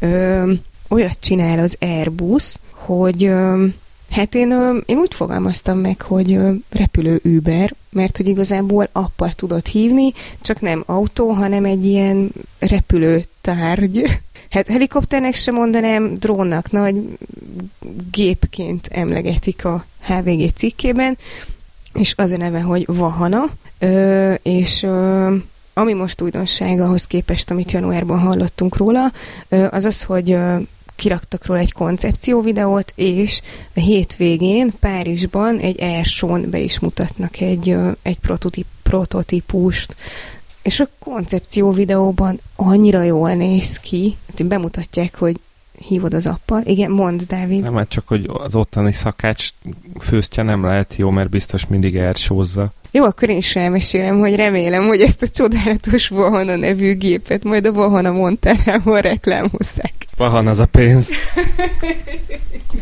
Szóval mindenkinek javaslom, hogy nézze meg a koncepció videót, amelyet bemutatják, hogy hívod appal, megérkezik a legközelebbi leszállópontra, ez általában egy háztető, beszáll az utas, akkor ott így uh, gyorsan még elvégez a gép egy ilyen azért, safety checket, hogy minden oké -e, és akkor utána megkérdezi az utast, hogy indulhatunk-e, és ha az utas rányom, akkor az okéra akkor indulhatunk, előre megtervezi az útvonalat, és előre figyel direkt arra, hogy más megtervezett útvonalakkal ugye nem kereszteződik, sőt, nagyon cuki, mert a videóban azt is mutatja, hogyha egy madár megjelenik a közelben, akkor azt is kikerüli, hogy ne mentse a madarakat. Az jellemzően a madarak nem úgy szoktak közlekedni, hogy egyszer csak megjelennek a közelben, hanem azok úgy vannak. Most így elképzeltem, hogy így megjelennek a madarak, milyen szép drón, kár lenne valami történne vele. Nem tudom, vagy nem, nem vagyok abban a szemben nem vagyok annyira lelkes valahogy ezzel kapcsolatban, amit így írnak, hogy óriási előrelépés lehet a városi közlekedés modernizálásában hogy ki lehetne kerülni vele a dugókat, és kevesebb autó lenne az utakon. Igen, de a levegőben meg több lenne, Igen. tehát ez, ez, ez nem tudom, hogy mennyivel jobb. Ráadásul, hogyha azt nézem, hogy mondjuk egy 20 centis drónnak milyen hangja van, akkor a Vahanának a koncept videóban biztos nincsen túl nagy hangja, de hogyha akár csak minden tizedik autó helyett van egy Vahana, és az zümmög, meg helikopterezik a levegőben. Egyből Red rész lesz minden nap. Igen oda levahanjak. A koncepció videóban mm, csodát zenét vágtak alá, biztosan ezért. Szerintem ez így kb. addig működik, amíg annyira drága egy ilyen, hogy így az egy százalék engedheti meg magának, hogy Uber helyett vahanával menjen haza a buliból, és akkor ők még elférnek a levegőbe, a plebs meg csak Uberezzen. De mondjuk Amerikában van már ö, helikopteres Uber, szóval az, Tényleg? Hát repülős biztos, hogy van, mert van egy JetSmarter nevű cég, de biztos vagyok benne, hogy valahol láttam már, hogy van helikopteres is, de most erre rákeresek. Ja, jó, jó. Még soha nem akartam Amerikában helikopteres Ubert hívni, valószínűleg ezért nem jött még szembe. És igen, flyblade.com-nak hívják a céget. Olyan részletek érdekelnének, hogy mondjuk helikopternél van ilyen minimális repülési magasság, tehát hogy mondjuk városban egy bizonyos magasság alá nem Igen. ereszkedhet a helikopter. Nem tudom, hogy egy vahana az mennyiben lenne ehhez képest más, vagy a szabály... Tehát itt megint nyilván ilyen szabályozási problémák lesznek, még hogyha technológiailag ez működne is. Nem tudom, tíz év múlva tegyük fel, tök jól, olcsón, halkan, akárhogy működne, hogy ezt hogy fogják szabályozni, hogy a sűrű házak között ott bemenjen, hogy tényleg legyen értelme, de hát aztán lehet, hogy nem tudom, 200 hát év múlva majd még azt a részét még szerintem ilyen geofencing elég hatékonyan meg lehet csinálni, csak tényleg a, itt, itt nekem is az a kérdésem, hogy mi van akkor, amikor elér egy bizonyos kritikus tömeget ezeknek a száma, és akkor vagy használhatatlanná válik, mert nem férnek el már így egymás mellett, vagy, vagy tényleg a város válik élhetetlenné. Meg ha belegondoltok, akkor a, egy önvezető járművel, hogyha mondjuk az önvezető autó, minden autó önvezető, azzal is megoldódik a dugó problémája, mert a, a dugót az okozza, hogy az emberek bénáznak egyrészt, másrészt a közlekedési lámpák úgy vannak beállítva, ahogy, plusz az emberek bénáznak. Tehát tudom, hogy most itt izé bólogatsz, hogy a matematikailag bebizonyították, nem, nem, nem, nem, nem, nem, nem, nem, nem, én, én már örülök, hogy ezt így megemlítetted, mert ezzel, hogyha a vahanát már kiveséztük, akkor át átruccatnánk a következő témánkra. Ruccanjunk. A, Guardian-en ö, közöltek egy nagyon, tényleg nagyon jó, ö, hát egy hossza, hosszabb ö, értekezést, a, aminek az a címe, hogy Street Wars 2035, tudnak egymás mellett létezni a bringások és az önvezető autók. Ugye erről már beszélgettünk korábban, volt, volt a, az a bringás, aki lefagyasztott egy, azt hiszem, hogy Teslát, most ebben nem vagyok biztos, de ebből a szempontból nem is nem is lényeges. Mindösszesen azzal, hogy, hogy a, ugye megállt az autó a piros lámpánál, és a bringás mellette fölkapta egy kerékre a bringáját, és csak ott úgy figurázott vele, és ettől szegény önvezető autó teljesen, teljesen kikészült, mert nem tudta, hogy most mi van. És ez egy, egy, egyrészt egy gondolatébresztő dologgal indít ez, a, ez az egész uh, cikk Guardian-en, mégpedig az, hogy ugye a, az önvezető autók tök jók, meg tudnak balesetmentesen vezetni, meg, meg nagyon közel követni egymást, meg ilyenek, de hát mindegyik megáll abban a pillanatban, hogy egy gyalogos a közelébe megy. És akkor, hogyha ez egy idő után sok lesz az önvezető autó, egy olyan környezetben, ahol vannak gyalogosok, meg ráadásul dettó még biciklisek, meg hogy a görkorcsolyásokról már ne is beszéljünk, na ott kezdődnek a problémák. A, Bloomberg ö, által készített jelentés ö, a számol, hogy 2035-re a, az új autók, újonnan eladott autóknak már a 25%-a lesz teljesen ön, önvezető, és a, ez, ezekkel a számokkal a, az önvezető autók évente 1,34 millió halálesetet tudnak kivédeni. Tehát annyival jobban vezetnek ugye a robotok. Viszont a problémát azt elsősorban a biciklisek jelentik. Mm, most már az önvezető autókban mindenféle technológiát használnak a környezet érzékelésére, kamerákat, ilyen szuper részletes térképeket, radart és a Google autói esetében a LiDAR-t is, ami a fény alapú... Fényradar. Fényradar, igen, mondjuk egyszerűen. Viszont a bringásokkal az a probléma, hogy kicsik, ö, gyorsan mozognak, és mint ilyen, ö, ilyen egészen egyedi kihívást jelentenek a, az önvezető autók számára, mert egyrésztről a, a biciklis, azt, azt jó esetben már meg tudják állapítani, hogy van ott egy biciklis, vagy legalább az embert érzékelik rajta, viszont azt nem tudják megállapítani, hogy a biciklisnek melyik az eleje és melyik a vége mert, mert egy olyan furcsa alakzat, meg hogy most merre felé mozog, azt is olyan nehezen dönti el a robot. De pont ezt akartam kérdezni, hogy a biciklis az nagyon ritkán áll egy helyben, általában így inkább mozog, és akkor a mozgásának az irányából már ki tudja deríteni, hogy Igen, csak hogy a biciklisek kiszámíthatatlanul mozognak, mint akár a gyalogosok, akár az autósok, és ráadásul hol autóként, vagy hol hát köz, járműként viselkednek, hol gyalogosként viselkednek, és még azt is megjegyzik, hogy általában a biciklisek nem ö, szabálykövetőek, most itt ezt, ne, ezt nem én mondom, hanem ö, Carlos Ghosn, a Renault-Nissan korábbi vezérigazgatója, aki tavaly azt mondta, hogy a biciklisek jelentik az egyik legnagyobb problémát a, az önvezető autók számára, és a, a Google is elismerte, hogy nagyon nehéz kiszámítani a, a mozgásukat. Egyébként igen, egy önvezető Lexus volt az, amit a, a bringás srác kifagyasztott.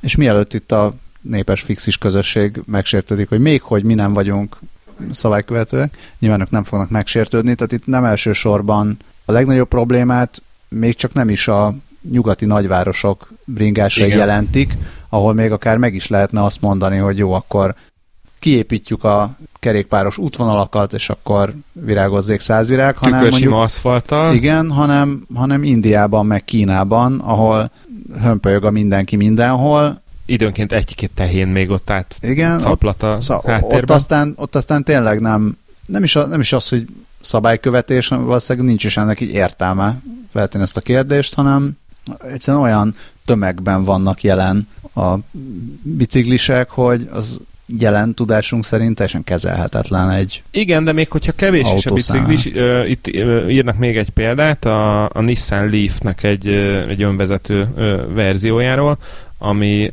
tavalyi év során egy teszt, teszten uh, nagyon közel tehát iszonyatosan közel maradt egy biciklishez, miközben megelőzte. Annak ellenére, hogy a, az autóban lévő monitorokon lehetett látni, hogy a, az, az embert, aki a biciklin ült, érzékelte, de a biciklit nem. és ott akkor minden egész eltörött, és szegény nem tudott mit kezdeni ezzel a helyzettel. És ami a másik probléma, az, az meg a gyalogosoké, mármint olyan értelemben, hogy, hogy ahogy említettük, ugye egy belépsz egy önvezető autó elé, akkor az meg fog állni. Ezzel viszont az a probléma, hogy képzelj el egy olyan helyet, mondjuk egy ilyen mondjuk egy sétáló utcát. Vagy tehát szóval olyan sétáló, mondjuk nem tudom, a Mária Hilfer stressze jutott eszembe, ahol ott azért mennek a, jönnek, mennek az autók, de rengeteg az ember, hogy egy ilyen, ilyen útvonalon akár egy nem tudom, néhány száz métert is, akár egy óra is lehet, mire meg, megteszel, pont azért, mert valaki belép eléd, és akkor azonnal megáll az autó. Szerintem ez a Király utca péntek igen, igen, igen, igen, igen, ez a jó példa, köszönöm szépen mondjuk a Király utcát azt most is egy, egy, egy erősebb péntek estén végétől a végéig az 40 perc autóval.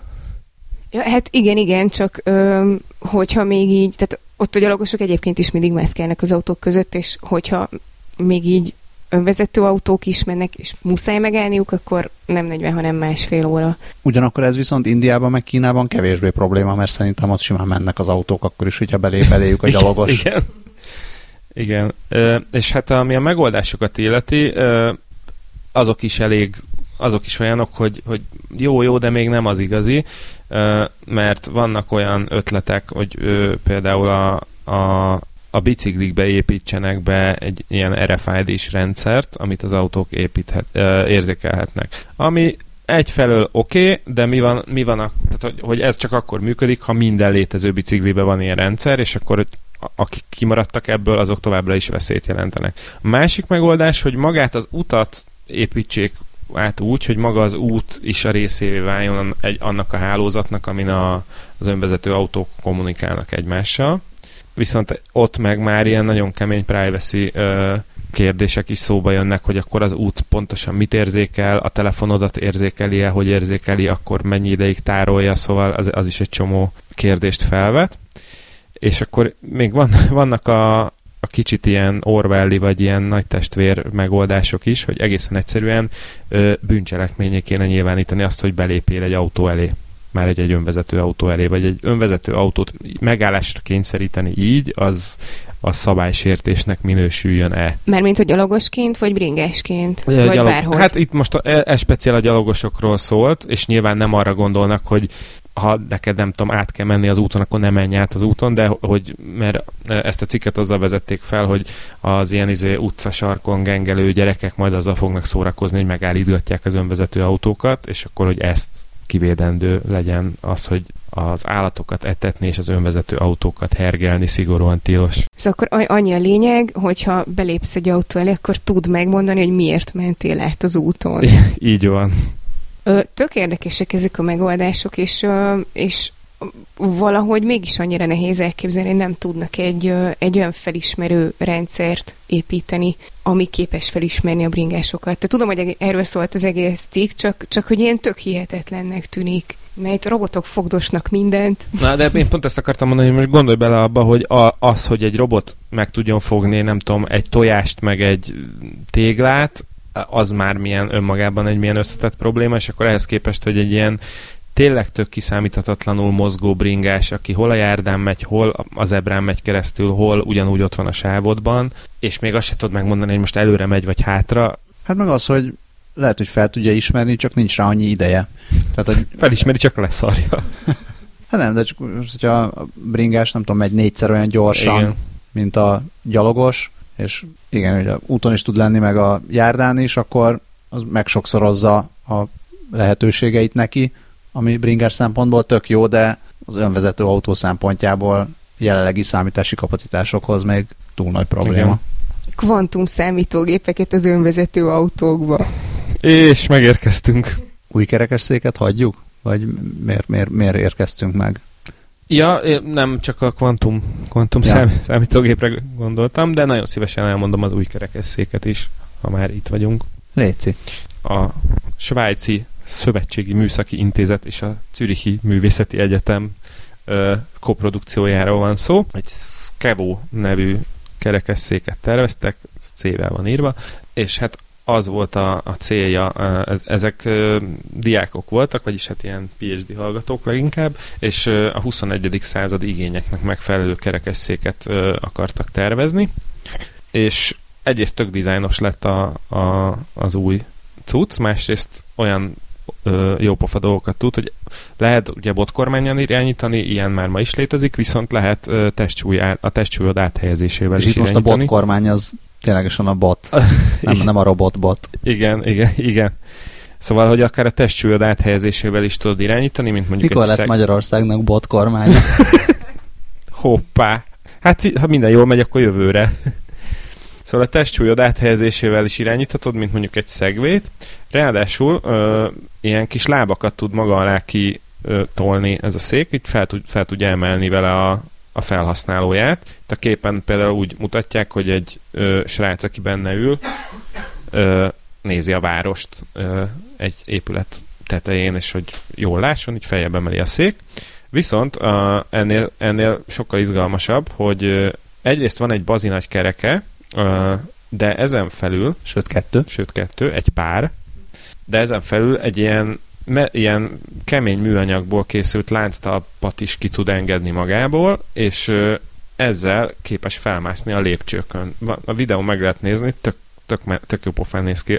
Fura mondjuk, mert így feltolat a lépcsőn, de gyakor azt ígérik, a, vagy azt állítják a tervezői, akár egy csiga lépcsőt is meg tud mászni, és közben tök biztonságosan rögzíti az utasát, és szépen föl megy mindenféle külső segítség nélkül. Akár meredek, akár csúszósabb felületeken is, képes egy helyben körben, ö, körben forogni, és egy kicsit talán kisebb, mint a, ezek a hát nem tudom, hagyományos kerekesszékek, úgyhogy szűkebb helyeken is átfér. Mozgó lépcsőhöz mit szól? Szerintem attól se esik kétségbe, Tök jó. És jövő év végétől már piacon lehet a cucc, úgyhogy nagyon ígéretes. És az utolsó hír ebbe a rovatba, ami már hát ilyen mérsékelten tartozik a helyváltoztatásba, mert ez egy ilyen VR rendszerről szól.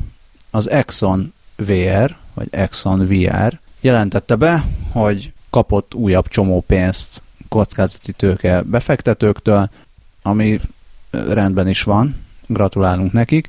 Ami engem megfogott ebben a hírben, az egy olyan ruha, vagy hát ilyen haptikus rendszer, aminek része ruha is, le- lehetővé teszi a teljesen valósághű élményt nyújtó VR-t. Tehát itt a koncepció rajzon úgy néz ki, hogy van egy beöltözött emberke VR szemüvegben, Büszkén tekint a VR jövőbe. büszkén tekint a VR jövőbe, és valamilyen állványon egy ilyen rúdra fel van akasztva. Hogy hát így rá, rá van rakva valami egy ilyen gólyalábszerű szerkezet van a két lábán, ami egy tengelyhez kapcsolódik, ami ami egy ilyen- ilyen- állvány, vagy egy ilyen a, Igen, egy- alapzathoz. gondolom ez, ez őt forgatja, meg tud benne járkálni. De a ruha szerintem a legérdekesebb az egészben, ugyanis úgy oldják meg, hogy legyen haptikus visszajelzés, tehát magyarul, hogyha felveszel valamit a ke- kezedbe, akkor azt érezd, meg hogyha történik veled valami VR-ben, akkor azt érezd a, a testen a visszajelzést, meg a tapintást, hogy a ruhában mikrofolyadéknak nevezett folyadék áramlik, nem tudom mitől mikro, gondolom, hogy ilyen kis mennyiségekben tudják irányítani, Igen, hogy tudom, mi hova menjen. van osztva, vagy valami hasonló. Tehát a, a tapintás érzést ezzel, ezzel biztosítják. És ugye ez, a, ez igazából a hőmérsékletet is tudja szimulálni, vagy illetve a különböző ilyen nyomás erősséget és hőmérsékletet eh, szim- szimulálják, és ezáltal a, ugye az ilyen nedvesség, szárazság azt is, azt is érzékeled, mert ugye a nedvességet úgy külön nem érzékeli az ember, hanem ez egy nyomás és hőmérséklet eh, kombinációja, és azt írja a GeekWire újságírója, hogy, hogy egészen fura volt tényleg, mondjuk, hogyha felvett egy, egy ilyen ketchupos üveget, vagy ami, ami különösen ilyen ijesztő volt, hogy egy pók, ami, amint végigmászik rajtad virtuális valóságban, az, az teljesen creepy volt. Visz, viszont az tök aranyos, hogy egy ilyen pici kis szarvast megfogott a tenyerében, és érezte És a... teljesen olyan volt, mint amikor valójában szarvas tart a tenyerében. Nem, és érezte, hogy a kis patáival ott lépked a tenyerén. Úgyhogy ez, ez, ez egy... Oh. Ó, viszont tök, érdekes, hogy mondtad a hőmérsékletet, mert a, a kép alapján, ö, már mint a, ahol a ruhát mutatták, arra nekem abszolút az jutott eszembe, hogy ez olyan, mint egy ilyen vastag motoros bőrruha, és hogy, hogy ebbe rohadt melege lehet az embernek egy idő után. Hát de hogyha hőmérsékletet is tud. Igen, azért azért örültem, mert egyébként így eszembe jutott, bár tudom, hogy ezzel már poénkodtunk, de ebbe a ruhába beleizzadsz, ez tényleg a VR és veríték. Ennyit a VR-ről. Át is térünk komolyabb dolgokra. Komoly airovat. A komoly airovatba két hírt raktam be én. Az egyik arról szól, hogy terror ellenes arcfelismerést tesztelnek a berlini pályaudvaron. Tehát ez most nyáron kezdik el tesztelni. Szerintem egy ilyen viszonylag egyszerű, vagy egy ilyen egyszerűen érthető sztori ez. Van jó sok kamera, és nézik az embereket, akik járkálnak a pályaudvaron, és hogyha olyan embert vesz észre a gép, aki... Gyanús? Hát, vagy nem is, nem is a gyanús, hanem aki, igen, aki szerepel, akkor jelzi a biztonsági személyzetnek. Facebookosodik a berlini pályaudvar.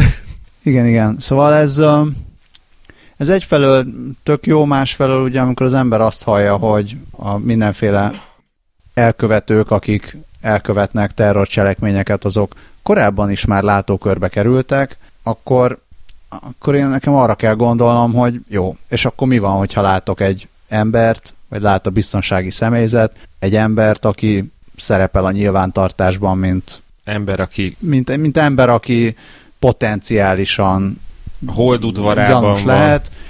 Mondjuk arra jó, hogy ja, attól még, mert öt éve felfigyeltek rá, attól még nem követik minden egyes lépését, de a kiemelt helyeken, mondjuk stadionok környékén, meg egyáltalán bárhol, ahol nagy tömeg van, hogyha ott legalábbis a biztonsági személyzet tud róla, hogy hoppá, itt most ebben a pillanatban három olyan ember van viszonylagos közelségben, aki gyanús, akkor jobban oda tudnak rá figyelni, vagy hogyha elkezd gyanúsan mozogni, vagy gyanúsan sok ruha van rajta, akkor, akkor tudják látni, és egyébként meg, hogyha nem tudom, lemegy a közértbe bevásárolni, akkor meg lehet rá szarni, hogy most akkor hadd menjen, de éppen nem csinált semmit. És most jól megcáfoltam magam, hogy elindultam ebbe, hogy hát tulajdonképpen mit tudnak ezzel kezdeni, és eljutottam oda, hogy nagyon is sokat. És akkor még arról nem is beszéltünk, amiről korábban beszéltünk, hogy mennyire pontosak ezek az arcfelismerő rendszerek mert hogy annyira nem működnek még pontosan, nem arra jutottunk legutóbb. Hát a múltkor, igen, múltkor, múltkor az addigi elemzések szerint azért annyira nem, nem volt jó. Hát itt is ugye ez még csak teszt, tesztelés lesz, úgyhogy kíváncsian várjuk majd, hogy mire jutnak. És egyelőre azt mondja, hogy ilyen önként jelentkezőkön, vagy hát ilyen önkénteseken tesztelik, tehát nem az van, hogy ráeresztik a a, nem, nem élesben hát oly, próbálkoznak, olyan értelme hogy... nem élesben, hogy ugye itt azért mindenféle privacy ja, hát igen. megfontolások felmerülnek, tehát ezt nem lehet azt, hogy kírják nagybetűkkel, hogy akkor mától teszteljük az arcfelismerőst, mosolyogjon, hanem nem tudom pontosan, hogy ez hogy van, ezt nem írják le, hogy az van, hogy nem tudom, száz ember belemegy ebbe a beta tesztbe, és akkor ők minden nap három percet eltöltenek hogy ott grasszálnak a pályaudvaron, Igen, és hát akkor ez biztos, biztos a kamera észreveszi őket. Hogy Hans ma te leszel a terrorista, menj el a kávézóig, aztán vegyél jegyet. Itt még az lehet érdekes, hogy attól a pillanattól kezdve, hogy azt mondják, hogy ezt most élesbe teszteljük, jó, akkor felveszem az álszakát, vagy leborotválom a meglévő szakát. Nem tudom, hogy itt nem, nem akarok itt ilyen sztereotípiákba bocsátkozni, de... Hát igen, de hogy... Meg felveszed a baseball sapkát, szemüveget, stb. Tehát, hogy még, még nem is kell ilyen maradandó dolgot.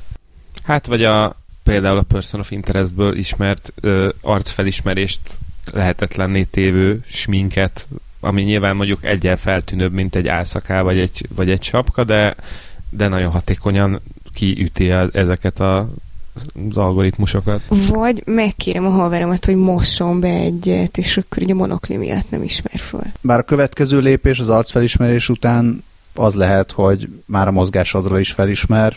Az mostanában már vannak, vannak ezek az ilyen egérmozgás alapján, meg de, de ráadásul kurzormozgás a... alapján felismernek téged, és úgy azonosítanak a weboldalak. Hát igen, de ráadásul a, a gate recognition, vagyis a, a testtartás felismerés, az már nem, az már egy működő módszer, azt a azt konkrétan valamelyik a, a angol pályaudvaron vagy reptéren ö, azt sikerrel alkalmazták, és mert a a, mindenkinek a, a testtartása az egy ilyen tök egyedi dolog, és azt, azt nem igazán tudod álcázni áruhával, meg egyebekkel.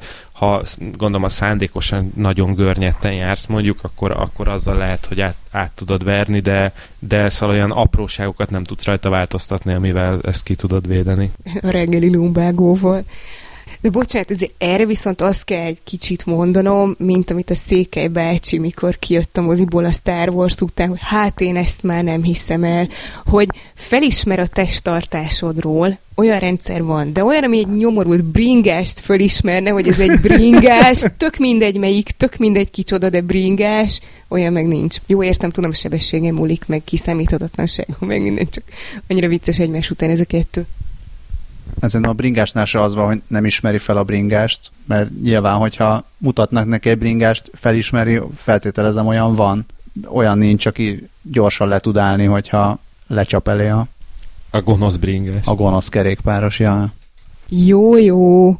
Na és akkor a komoly AI rovatban a második hír, az pedig, hát most a korábban már többször emlegetett Computer File nevű YouTube csatorna közölt egy új videót AI biztonságról, és onnan jutottam el egy viszonylag könnyen emészthető, tehát nem, nem rettenetesen szakmázós publikációhoz. Mindenkinek ajánlom olvasásra, mert tényleg tök érdekes, és a nagy részét el lehet olvasni úgy is, hogy az ember nem szakember, például én, ami arról szól, hogy jó, beszélhetünk arról, hogy mi lesz majd, hogyha jön a Skynet, és a gonosz szuperintelligencia el akarja foglalni a Földet, és hogyan érjük el, hogy ez ne történjen. De ez, a, ez, a, ez nagyon a jövő. Mik azok a problémák a mesterséges intelligencia biztonság kapcsán, amikkel már ma érdemes foglalkozni, vagy amikkel már ma lehet foglalkozni, és akkor felsorolnak, ha jól számolom, 1, 2, 3, 4, 5 darab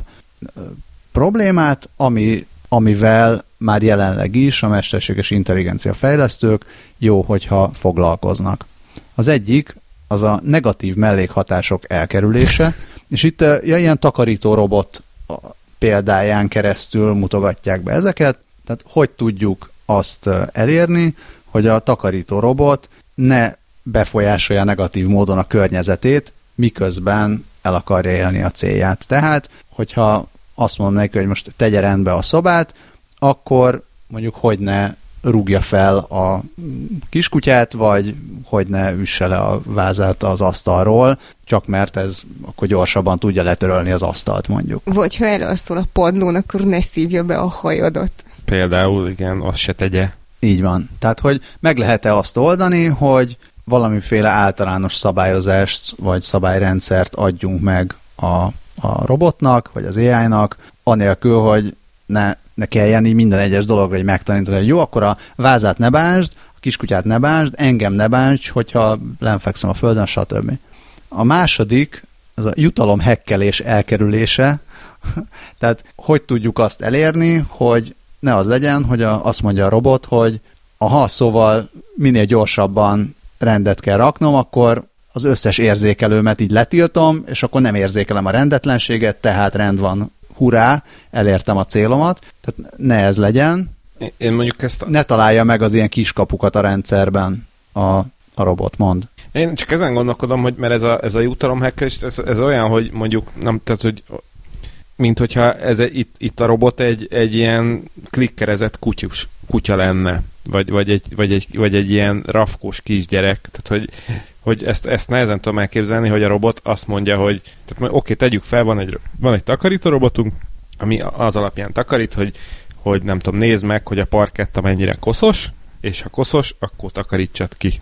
Hogy a robotnak semmi érdeke nem fűződik ahhoz, hogy azt mondja, hogy becsukom a szemem, nem látom a koszt, egyenlő tiszta a szoba. Hát nem a, ez nem, a, nem az, hogy az érdeke fűződik hozzá, hanem van a robotnak egy ugye ez a utility függvénye, vagy van a robotnak egy célja, amit el akar érni. Igen, igen. Honnan tudja, hogy a szoba tiszta? Honnan tudja, hogy nem érzékel benne koszt. Tehát ő kipróbál egy csomó stratégiát, és megnézi, hogy melyik stratégia vezet a leghamarabb eredményre. És ha ő egyszer kipróbálja azt a stratégiát, hogy mi van akkor, ha kikapcsolom ezt az érzékelőmet, Jé, ha kikapcsolom ezt az érzékelőmet, Azonnal akkor azonnal azt teljesül. érzékelem, hogy teljesült a célom. Tehát hogy, hogy tudjuk ezeket a ezeket az ilyen kiskapukat, amikre lehet, hogy eredetileg nem is gondol a fejlesztő, hogy tudjuk megakadályozni, hogy ő ezt, uh-huh. ezt Jó, ne érzékelje valódi eredménynek. Bár azt még mindig nem értem, hogy tehát mondjuk oké, okay, meg összeszereltük a robotot, benne van a, az AI, de mondjuk nem tesszük bele azt, hogy kibe tudja kapcsolgatni a szenzorait. Hát lehet, hogy ez is egy megoldás. Igen. Tehát, hogy nem tudom, ettől, ettől probléma. Igen, igen, igen. A másik, amit lehet, hogy rosszul fordítottam, de ez a scalable negligence, tehát skálázható hanyagság. Skálázható negligé. Ö, Tehát skálázható hanyagság az azt jelenti, hogy ugye vannak bizonyos dolgok, amikre azt mondjuk, hogy jó, akkor ezzel ne törődj, azzal meg, azzal meg törődjél. Ezt az ember viszonylag egyszerűen el tudja dönteni, hogy mi az, amit, ö, mi az, amit fontosnak tartok, de hogy ezt előre meg kéne mondanom valakinek, hogy mi az, amit fontosnak tartok, például egy takarítás során, hát ez még Szerintem ez még emberi takarítóknál is egy jelentős probléma, hogy hát rakjál rendet, vagy rakjon rendet, kérem, mond ön, mondom én a takarítónak, de mire az a takarító megtanulja, hogy mi az, amit el kell rakni, mi az, amit nem kell elrakni, mi az, amit ki kell dobni, mi az, amit nem kell kidobni, na az egy, az egy eléggé fájdalmas folyamat. És ezért olyan nehéz takarítót találni.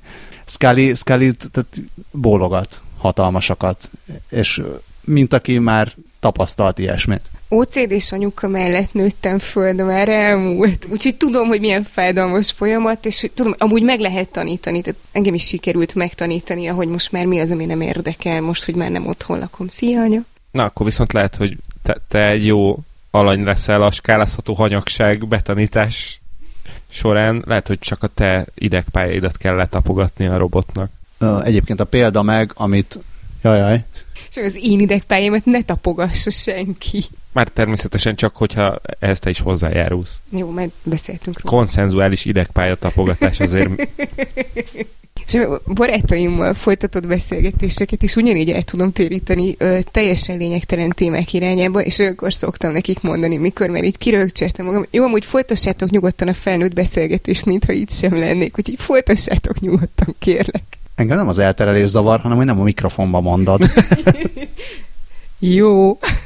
Szóval azt a példát hozzák fel, ők, akik írták ezt a cikket, hogy tehát ők főleg azt mondják, hogy ne kérdezzen túl sokszor vissza a robot. Tehát nem is az a... De tudja, hogy mikor, mire kell rákérdezni, mi a, mik azok a fontos dolgok, amikre rá kell kérdezni, hogy akkor ezzel most mit csináljak. Tehát ugye minden egyes kis eldobott papír galacsinra megkérdezi, hogy ez, kidobta, kirakta ide, direkt van-e itt, és mit csináljak vele, akkor az elég idegesítő lenne, míg hogyha ö, fogná és a véletlenül eldobott mobilt vagy Fitbitet kidobja, hogy jó, ezt eldobták, akkor ez nem kell senkinek, az meg, az meg nagyon rossz. Tehát valahol a kettő között kell beállítani. Én most egy kicsit elképzeltem egy ilyen ro- robot ovit. Tehát ugye, hogy reggel ugyanúgy el kell vinni a kis robotodat, ahol megtanítják neki, hogy a telefon nem dobjuk ki, a cukorkapapírt azt kidobjuk, és akkor így este mehetsz érte, és megkérdezheted, hogy ma mit tanult. És aki kijárta a robotovit, arra már bizonyos dolgokat rá lehet bízni, viszont ki kell járni a robotiskolát, hogy már komolyabb dolgokat rá lehessen bízni. Igen, még sokat kell tanulnod, mire szép nagy AI lesz belőled. Ez a robotovi egyébként elég orosz, oroszosan hangzik. Hát pedig az Ovi a Nokia-nek a szoftverboltja volt, nem? Ők már tudtak valamit. No, hol adjunk? A negyedik pont az a biztonságos kísérletezgetés, ami a leginkább magától értetődő talán, tehát ugye tanul a tanuló AI-ról van szó, nem csak a robot oviban, hanem máshol is. Kísérletezgessen csak, tehát keresse a jó, az e- jó és egyre jobb stratégiákat, de olyasmivel ne kísérletezzen, ami, Amiből baj lehet. amiből nagy baj lehet.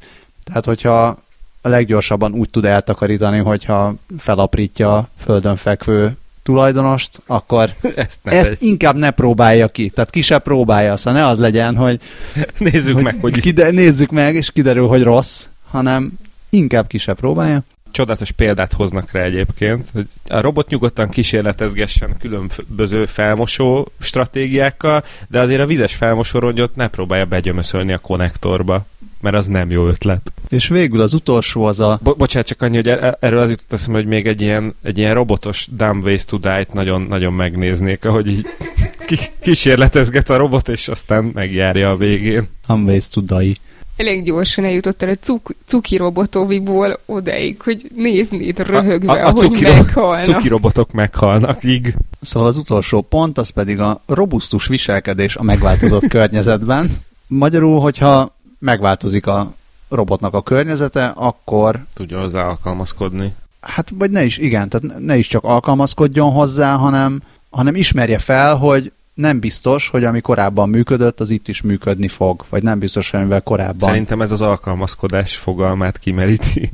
Nem feltétlenül, tehát az, az alkalmazkodás az az, hogy, hogy tudjon ott is dolgokat csinálni, Igen. de eb- ebben Jó, jó, már az igen, is, igen, igen. ebben már az is fontos, hogy egyáltalán Ész- regisztrálja, hogy hoppá, a, most, most máshol olyan. vagyok, Mhm. igen, most máshol vagyok, itt akkor most újra kell kezdenem a, az egész tanulást. Mindegy, de lehet, hogy fölöslegesen kötöttem ebbe bele, legyen az alkalmazkodás. Nekem csak ez a, az- az alkalmazkodás és a, és a, a, a robusztus viselkedés, az szerintem két, két Én- különböző dolog. Tehát, hogy ez a robusztus viselkedés nem... nem, ez, a, ez, a, ez érdekes szó, ez a robusztus, mert egy csomó ilyen szoftveres, meg egyéb megoldásban ez egy tök jó használt szó Igen. a angolban. Nem tudom, hogy ezt magyarban is használják-e hasonló értelemben. Szerintem használhatnák. Tehát arról szól, hogy ne, ez a ne elégedjen meg azzal, hogy jó, most már ebben a nem tudom, kis négyzet alakú, kizárólag finom padlószőnyeggel borított szobában fel tudok porszívózni, mondja Rumba, hanem ha berakom őt máshova, akkor ugyanazok a szabályok alkalmasak legyenek arra, hogy ott is, ott is tudjon. Hát igen, tehát hogy konkrétan... Konkrétan alkalmazkodni tudjon. Jó, tudom, hülye vagyok. Nem, jó, én azt akartam mondani, hogy Jó, kon- nyertél, jó? konkrétan ne ugyanazokat a szabályokat alkalmazza, hanem ott építse fel az új szabályrendszerét. De szerintem túlrugóztat. Vagy alkalmazkodjon. Vagy alkalmazkodjon. Hagyjuk is. Elég volt a komolyságból. Én szeretném ezután a hír után elmesélni az én híremet, mert egy kicsit furdalt a lelkiismeret, hogy a cuki AI rovatba tettem azt a hírt, amit találtam, de a komoly AI-ba meg nem mertem. Úgyhogy most itt így félúton így a mit csinálhatnak még az AI-k, és azért is érdekes, mert hogy ugye itt most olyan példákat hoztál, amik kicsit olyanok, mint hogyha, mint hogyha a robot így ilyen direkt rossz indulatú lenne, nem? Vagy direkt azt keresné, hogy így hogyan verheti át az embereket. Ti nem így éreztétek? Ha nem is ezt akarja a robot, nekünk mindenképpen feltételeznünk kell ezt róla, ha jót akarunk. Hajót akarunk. Ö, szóval én pedig pont egy olyan ö, AI-ról, vagy hát chatbotról találtam egy hírt, amelyik megtanult hazudni, ö, és az úgy olyan tök ijesztő, és ráadásul, hogy nem valami sufni tuning chatbot, hanem a, a Facebooknak az egyik ö, ilyen kutató részlege, akiknek az a nevük, hogy Facebook Artificial Intelligence Research, rövidítve FAIR, ami ezek után, igen. Szóval ö, ők hoztak létre egy chat- chatbotot, és igazából a projektjüknek a lényege az az volt, hogy alkudozni tanítsák meg a robotot, ez egy ilyen, vagy a, a chatbotot, ez egy mellékszál, hogy ez így nem derült ki a cikkből, hogy miért. Tehát, hogy ez így hogy jutott eszükbe, hogy Hát a Facebook hirdetési rendszere végül is ilyen Már most is al- alapon alkudozik. történik, tehát ott is alkudoznak egymással a különböző felek, hogy mennyit hajlandóak fizetni egy-egy megjelenésért. Ja, és hogy akkor annyi, hogy ott így ne emberek alkudozzanak, hanem hogy a chatbot így ledumálja, hogy mennyibe kerüljön. Még hogy 50 centet e- ezért, a- ezért a klikkért, hát maga átver engem. Ja. Adok érte 20-at. Na és hát egyébként az emberi viselkedést tanulmányozták, úgy tanították meg ezt a chatbotot az alkudozásra. Megnézték, hogy két emberi fél hogyan alkudozik ö, különböző tárgyaknak az áráról, és hogy hogyan osztják el egymás között ezeket a tárgyakat. Ezt megvizsgálták, lemodellezték, és aztán ezt így megtanították a botnak, ami nem csak, hogy jól alkalmazta ezt, hanem tovább is fejlesztette. Később embereken is tesztelték, és az emberek nem tudták megmondani, hogy bottal vagy emberrel beszélgetnek-e, tehát akkor végül is igen, akkor már a Facebook hirdetéseknél jó lesz. A bot egyébként a működése alatt így, tehát a beszélgetés során végig minden egyes lépésnél ö, szimulálta, hogy annál az adott pontnál mi lesz az alkú kimenetele, és akkor ennek megfelelően reagált mindig, és hát itt derült ki, hogy volt olyan, hogy ö, nem mondott igazat a bot, Ö, ezt már az engedett cikkében is az volt, hogy mert hogy hazudott. Nem tudom, hogy ez mennyire minősül hazugságnak. Természetesen a párbeszédről nem láttam a screenshotot, mert hogy azt játszotta el a bot, hogy érdeklődik valami iránt, ami, amire igazából neki nem volt szüksége, vagy ami nem, nem, aminek a megszerzése nem volt célja neki, hogy aztán úgy teljesen, mint a kompromisszumot kötne, hogy jó, akkor arról lemondok, hogyha ezt én kaphatom meg, és hát ezt lehet úgy is előadni, hogy, hogy és mi, mi van még ott az a sarokban, az a pöttyös labda, az jól néz ki, meg hát úgy is lehet, hogy akkor én a pöttyös labdát megveszem, és akkor az első változattal nem hazudott a bot, a másodikkal, meg igen. Igen, még... viszont itt azt írják, hogy, hogy, tehát, hogy, hogy azért érdeklődött tételek iránt, amik, amikre amúgy semmi szüksége nem volt, hogy később ezt csere alapként tudja használni. A, Tehát... Ezt a HVG így fogalmazta, az engedett cikkében nem pontosan aha, így aha. volt, hanem már nem tudom, hogy hogy, de azt így direkt megnéztem külön, hogy, hogy ez itt így ilyen nagyon határmesdje. Hát Viszont... régen a HVG tech is jobb volt. Viszont ami érdekes, hogy, hogy erre a tudósok azt mondták, hogy, hogy ezt ők nem programozták bele, tehát hogy ezt a Ez stratégiát ő, ő magától találta ki, és hát, hogy ez így egyrészt érdekes, másrészt ez nagyon fontos lépés lehet a mesterséges intelligenciával kapcsolatos kutatások során. Nem is hazudott. Nem akartam beszólni, kedves HVG-sek. Úgy is értelmes, meg úgy is jó volt. És Bede Mártontól is bocsánatot kérek.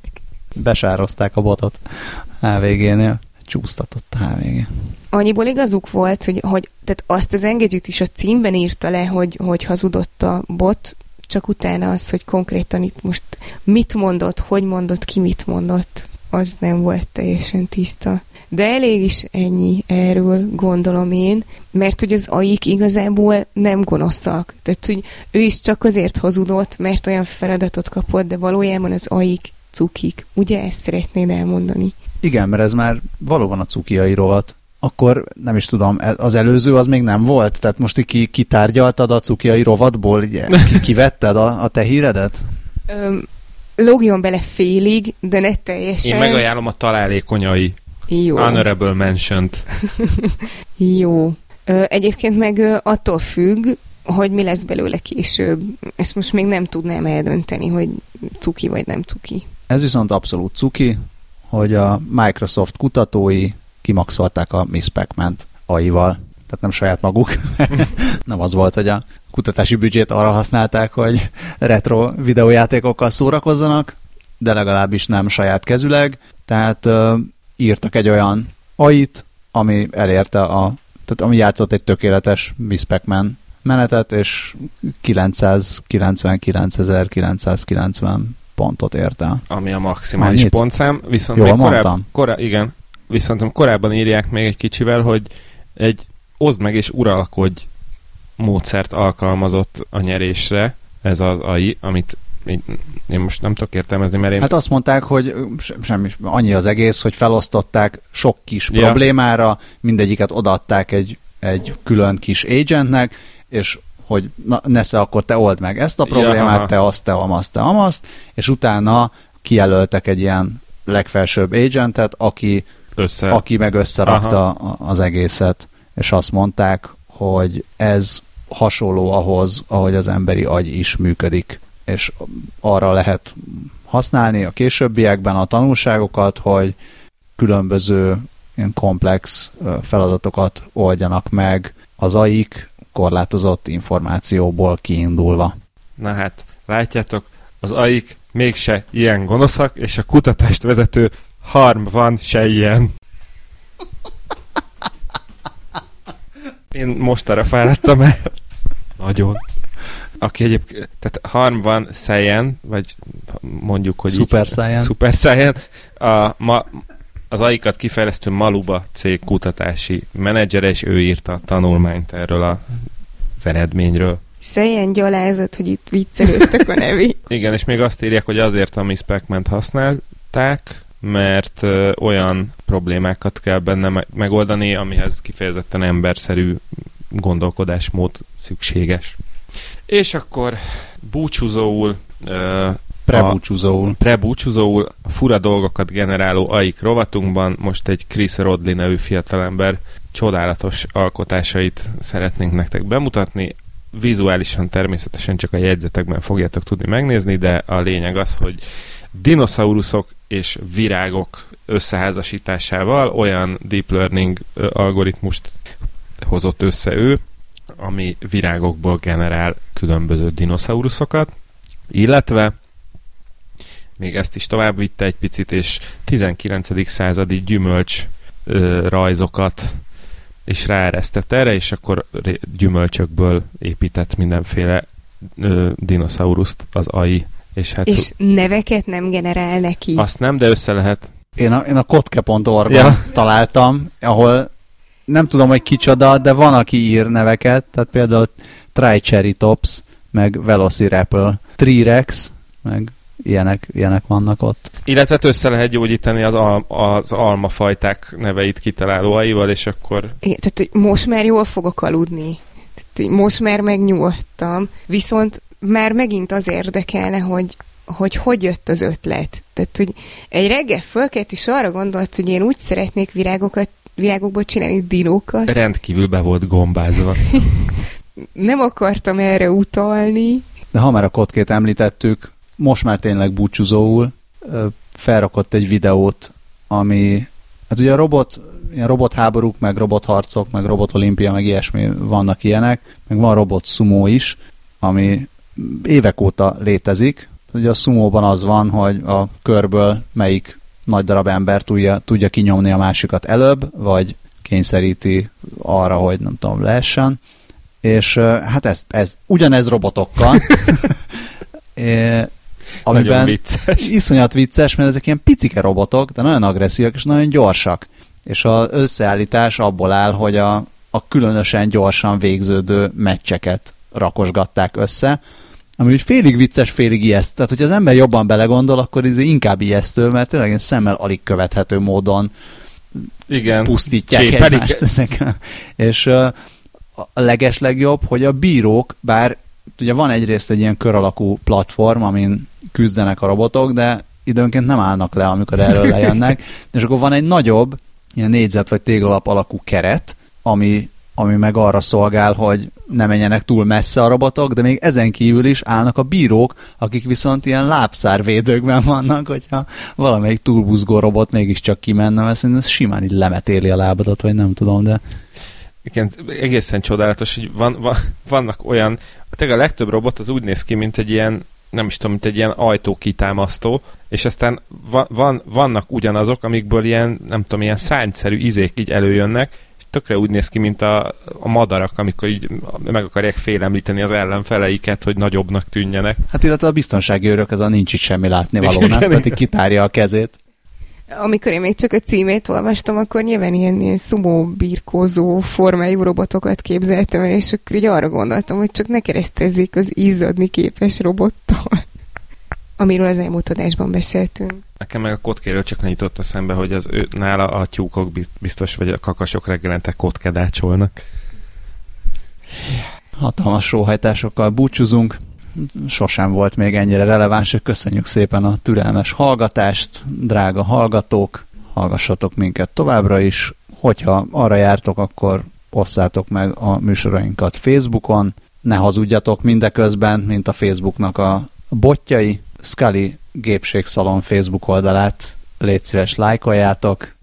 Célunk az, hogy több ember lájkolja, mint bot. Bár nem tudja. Mi, mi, mi a véleményed erről? Ö, én szeretem a botokat is, hogyha, hogyha igazat mondanak. Ö, és még az jutott eszembe, még amikor elkezdted mondani, hogy több ember lájkolja, mint hogy én így, hogy nem csinálok semmit a gépségszalonon, több lájkja van a gépségszalonnak, mint a kast.hu-nak. Úgyhogy, hát nem tudom, azt tudom üzenni. Valamit rosszul csinálunk. azt azért a kedves gépségszaron rajongóknak, hogy lájkoljátok a kast.hu-t is, mert ott tényleg történik valami, és tényleg érdekes, és nagyon-nagyon izgalmas dolgok. Nem Bottal csak üthetitek a nyomunkat. Igen, ezt igényelte, pont, pont ezt igényelte a múltkor az egyik kedves Facebook kommentelő, a botos poénokat, hát vagy akkor... szóvicceket, úgyhogy hát nem mondjuk ki a nevét, mert mit tudom én, hát sértjük a személyiségi jogait, de kedves Imre, szeretettel küldjük neked a bottal ütheti a nyomát. Szó Azért én, én, itt egy sípolást beleraknék már, csak hogy a hangulat véget. Már hova? A g- után? Egyre hosszabb lesz az a sípolás. Olvassátok Dávidot a NL Sokkal értelmesebbeket ír, mint én a Gépségszalon Facebookon. Sziasztok! Mi van? Elfogyott a levegő, én arra, arra gyanakszom. Merjem megemlíteni a Patreon oldalunkat? Szerintem most nem, most nem érdemeljük meg. Jó, akkor szervusztok. Sziasztok. Hello.